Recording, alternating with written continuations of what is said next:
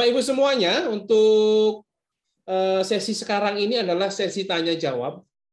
Bapak Ibu semuanya diperbolehkan untuk bertanya, bisa lewat kolom chat yang sudah tersedia dan saya lihat memang sudah ada yang memberikan pertanyaan nih, iya, Mbak Aya dan Dr. Nadia. Atau juga boleh uh, nanti bertanya secara langsung juga boleh. Boleh dilangsung dilanjut aja, Mbak Aya. Oke, Pak Jafar, terima kasih. Oke, Dokter Nadia, kita masuk ya. ke sesi selanjutnya ya, Dok ya? Ya, boleh. Oke, nah ini udah banyak nih dok pertanyaan uh, dari Bapak Ibu keluarga Unihalt ke Dokter Nadia nih dok. Saya bacain satu-satu dulu ya dok ya. Boleh. Oke, dokter, di sini ada pertanyaan dari Ibu Dwi Ratna. Uh, dok, apakah cranberry aman untuk uh, pasien dengan lanjut usia nih dok. Oke, sejauh ini aman sih dari jurnal-jurnal yang saya temukan. Memang uh, cranberry ini memiliki tolerabilitas yang cukup baik. Dan uh, nilai toksisitasnya juga sangat rendah. Jadi bisa dikategorikan aman. Aman berarti ya dok ya? Ya, aman.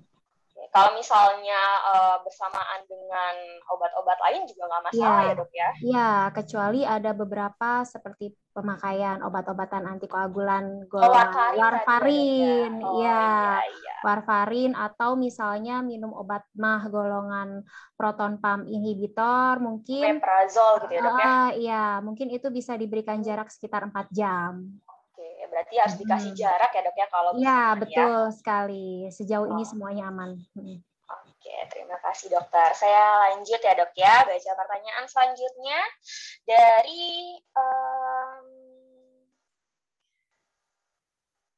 Ibu Rina. Sebenarnya sama sih dok. Ketika aman nggak sih untuk 70 tahun ke atas? Berarti aman ya dok ya? Aman, ya, aman. Aman ya. Oke, uh, selanjutnya nih dok dari Ibu Ayu. Siang dokter Nadia, saya wanita usia 38 tahun. Keluhan saya perut rasanya seperti banyak air dan mm-hmm. buncit nih dok. Hmm. Tapi yang besar amat sampai bunyi kerucuk-kerucuk dok. Oh. Nah, kemudian uh, saya minum utiker dan kencing keluarnya banyak, tapi perut hmm. tetap masih buncit. Tidak ada keluhan untuk sakit, baik waktu buang airnya.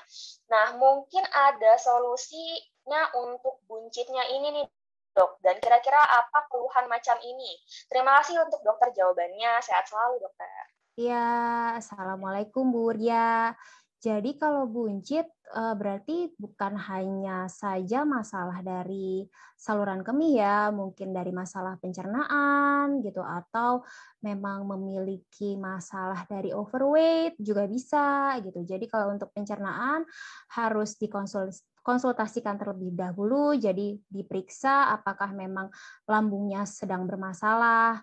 Walaupun memang eh, ekstra cranberry itu memang dapat Eh, meningkatkan sistem pencernaan gitu. Jadi dia dapat eh, memberi makan uh, lactobacillus, jadi bakteri bakteri-bakteri baik dalam pencernaan.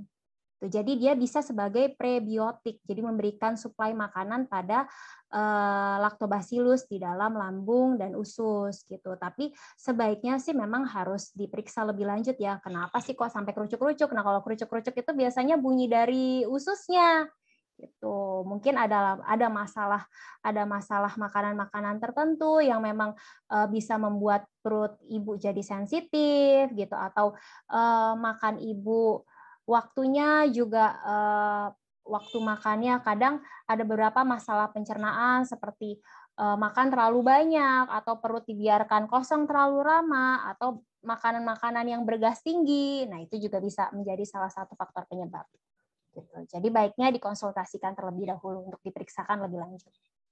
Oke, baik. Terima kasih Dokter Nadia. Lanjut ke pertanyaan uh, selanjutnya ya, Dok ya. ya.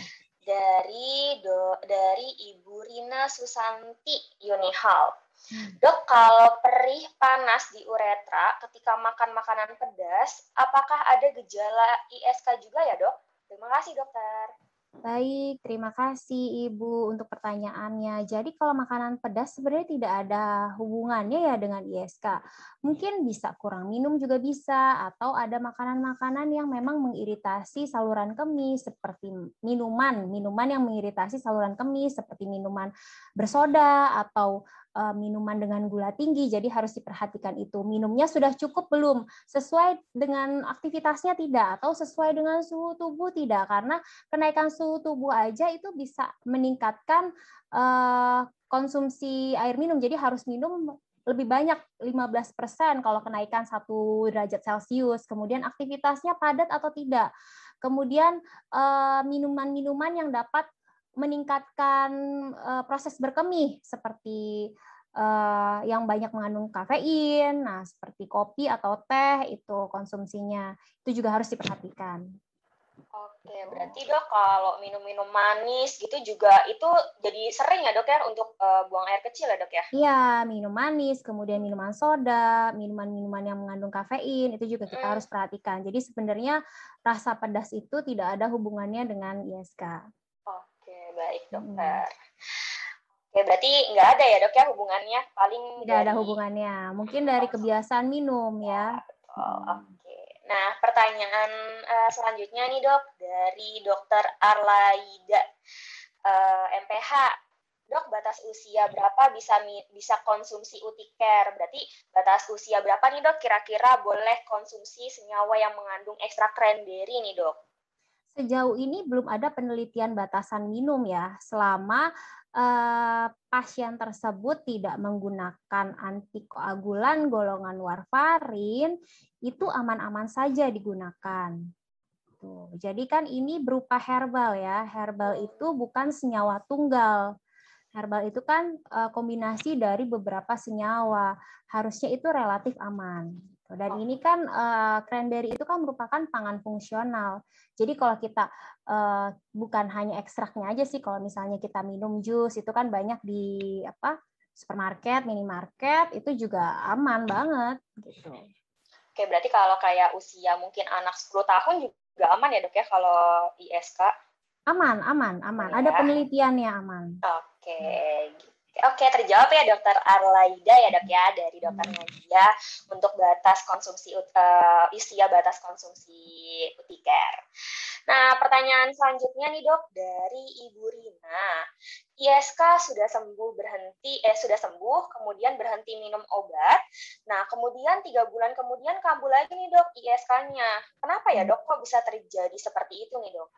Nah, ini harus ada pemeriksaan yang spesifik seperti kultur urin. Jadi kita harus tahu uh, ini uh, bakteri apa sih yang menyebabkan kita ISK.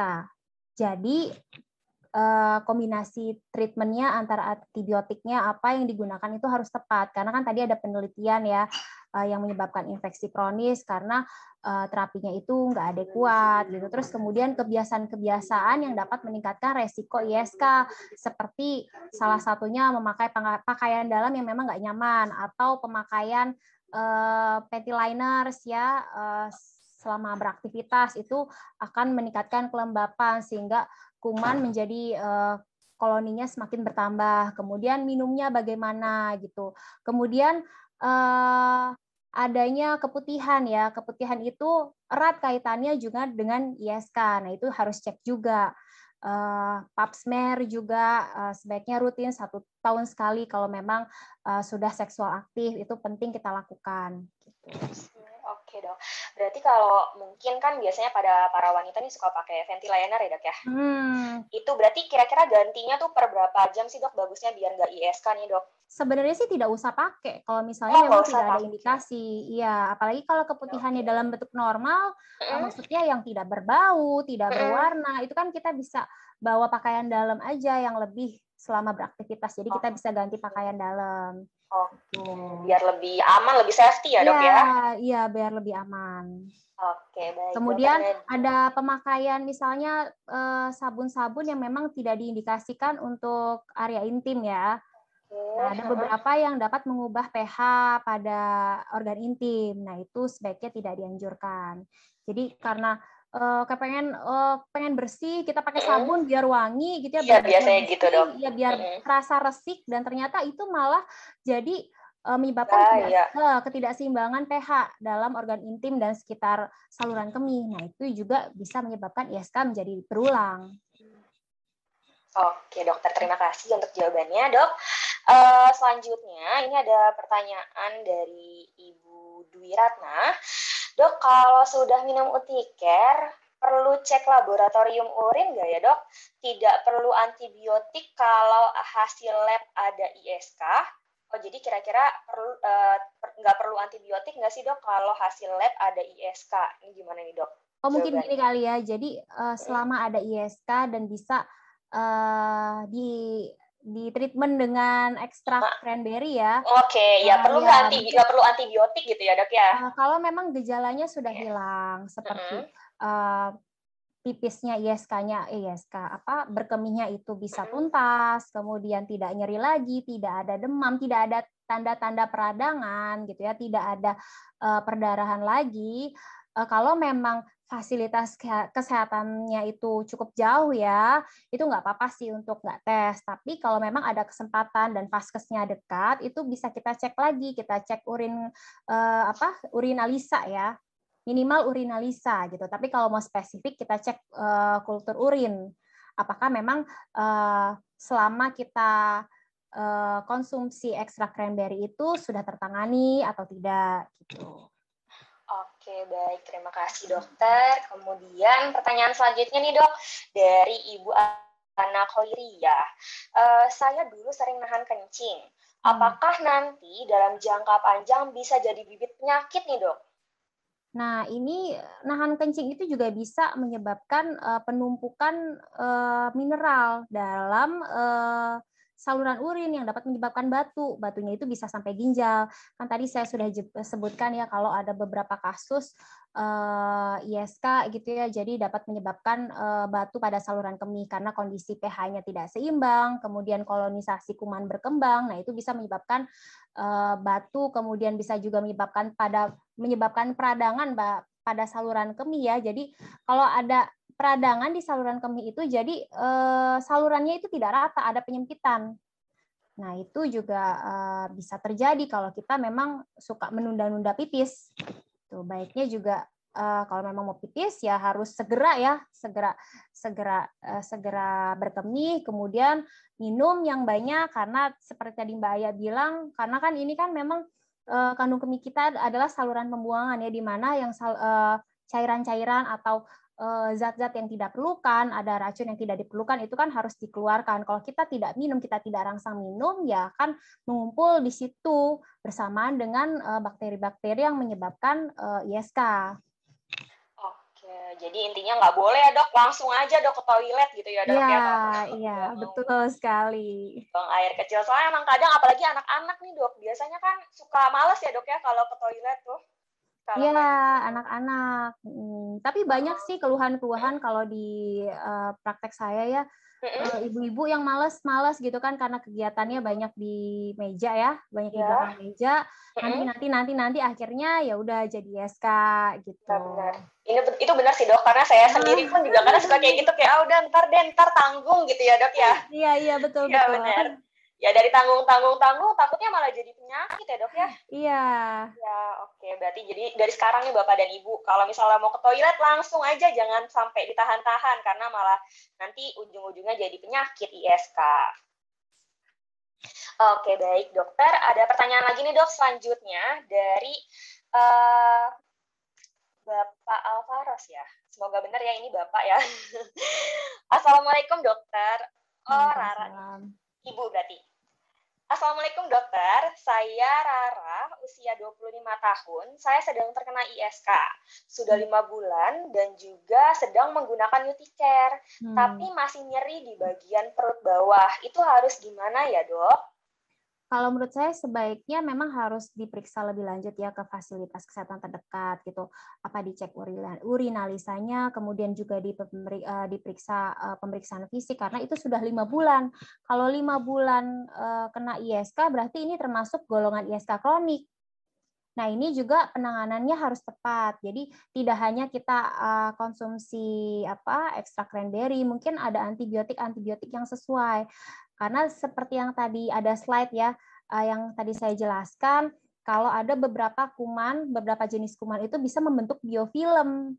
Gitu. Jadi suatu membran yang sangat kuat sehingga sampai nutrisi, antibiotik itu tidak bisa masuk. Jadi uh, terapinya juga bisa tidak adekuat gitu. Jadi sebaiknya uh, Ibu Rara harus memeriksakan diri ke fasilitas kesehatan terdekat, minimal cek urin kulturnya, kemudian diperiksa juga uh, pemeriksaan fisik apakah memang uh, ada uh, harus treatment khusus gitu. Jadi uh, tidak hanya kita konsumsi dari ekstrak cranberry saja.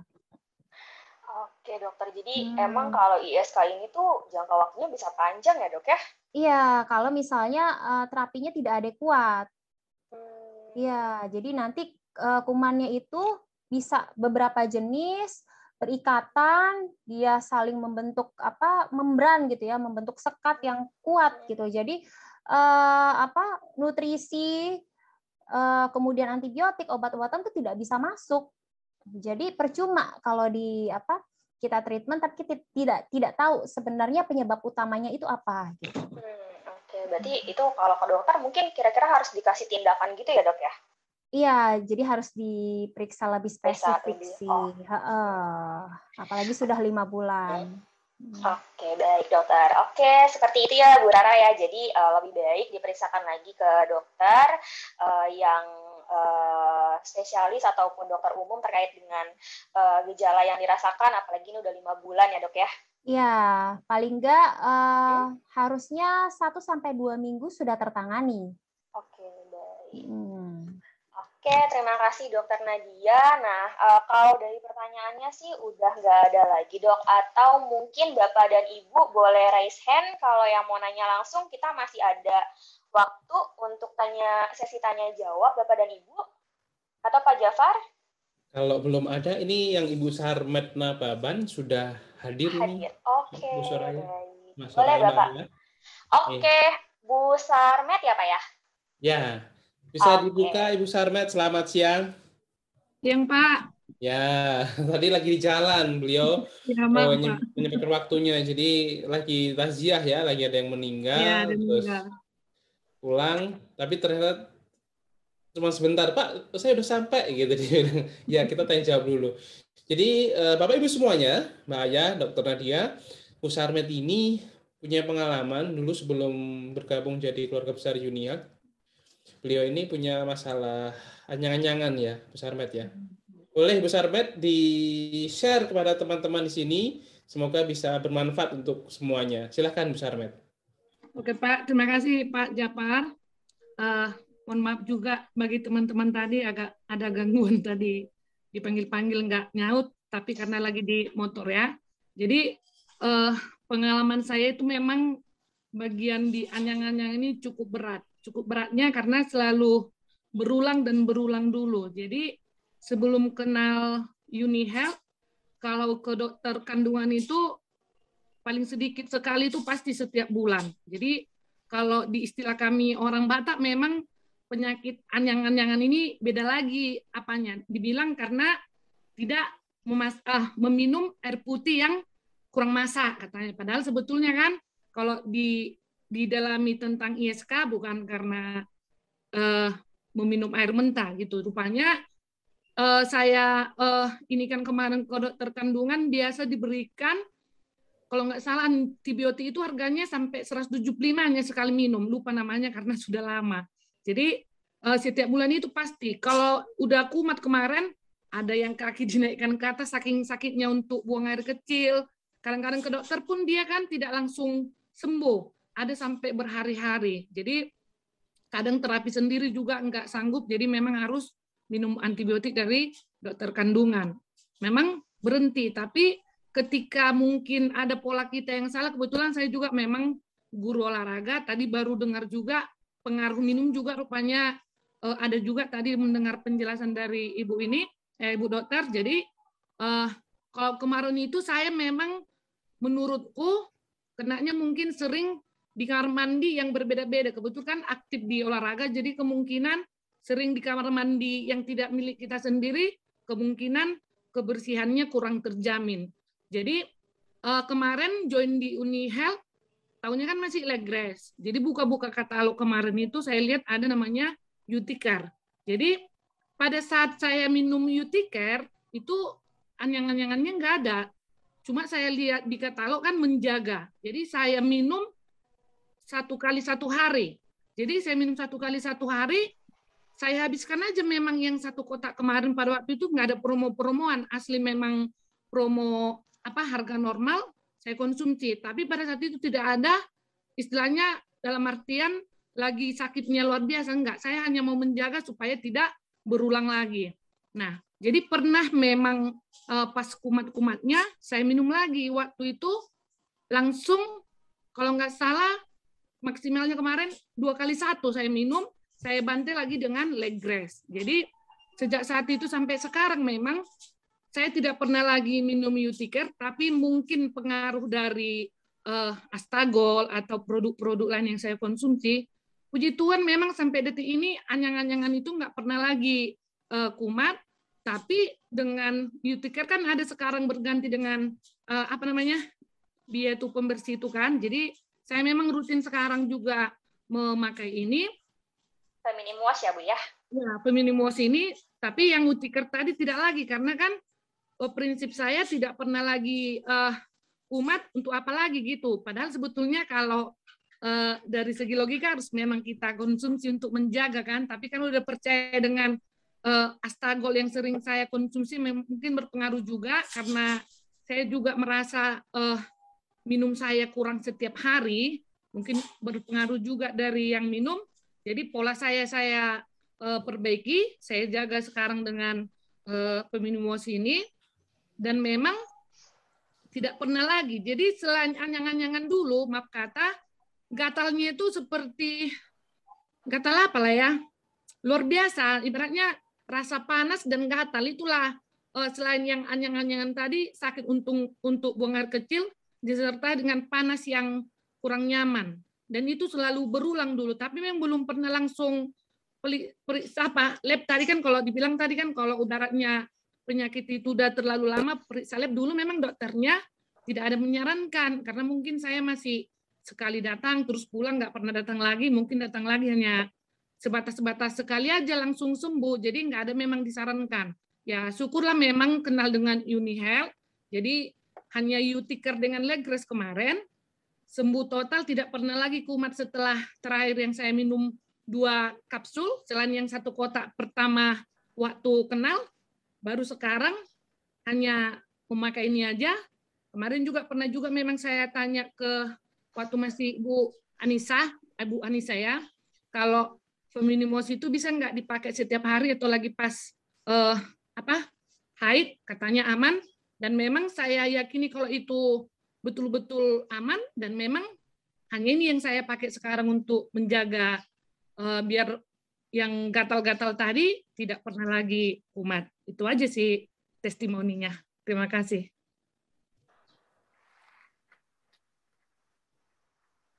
Yeay.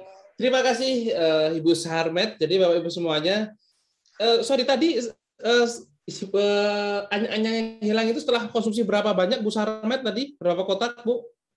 kemarin kan Pak, uh, waktu saya lihat di katalog kan ada dibilang menjaga.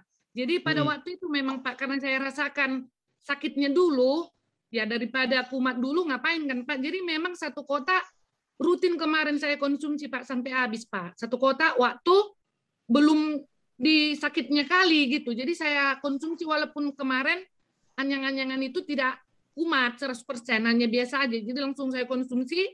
Nah, setelah yang satu kotak kemarin itu, pernah dia kumat hanya dua kapsul aja Pak sama Legres kemarin, berarti dalam satu hari dia udah udah reda dia. Setelah itu sampai sekarang nggak ada lagi, udah satu setengah tahun nggak pernah lagi Pak. Oh iya, baik. Jadi uh, Bu Sarbat nih pesannya untuk teman-teman ya yang terutama yang Bapak Ibu semua yang hadir di sini yang memang kalau punya riwayat kapan dia harus konsumsi dari sekarang atau nunggu nanti kalau lagi kambuh Bu Sarmet. Saran Ibu gimana yang sudah mengalami ini? Saya Pak, kalau memang dia sudah punya riwayat, dari sekarang saja seperti saya kemarin kan walaupun dia tidak kumat tetap saya konsumsi karena untuk menjaga apalagi yang sudah punya riwayat berulang-berulang dan mungkin ada tadi kulihat juga di kolom chat sudah lima bulan dikonsumsi aja tapi memang kalau dia sudah parah saya sarankan memang ditambah dengan astagol ataupun legres dari Utiker tadi Pak dan mungkin uh, walaupun Utiker ini tidak saya konsumsi sekarang tapi kan produk-produk lain tetap rutin saya konsumsi dan selalu pakai ini. Jadi jangan kena dulu. Kalau kena dulu kan penanganannya jadi lebih lama. Jadi lebih bagus dari sekarang dijaga. Baik, terima kasih Bu Sarmet Nababan. Tepuk tangan dong untuk Bu Sarmet Nababan.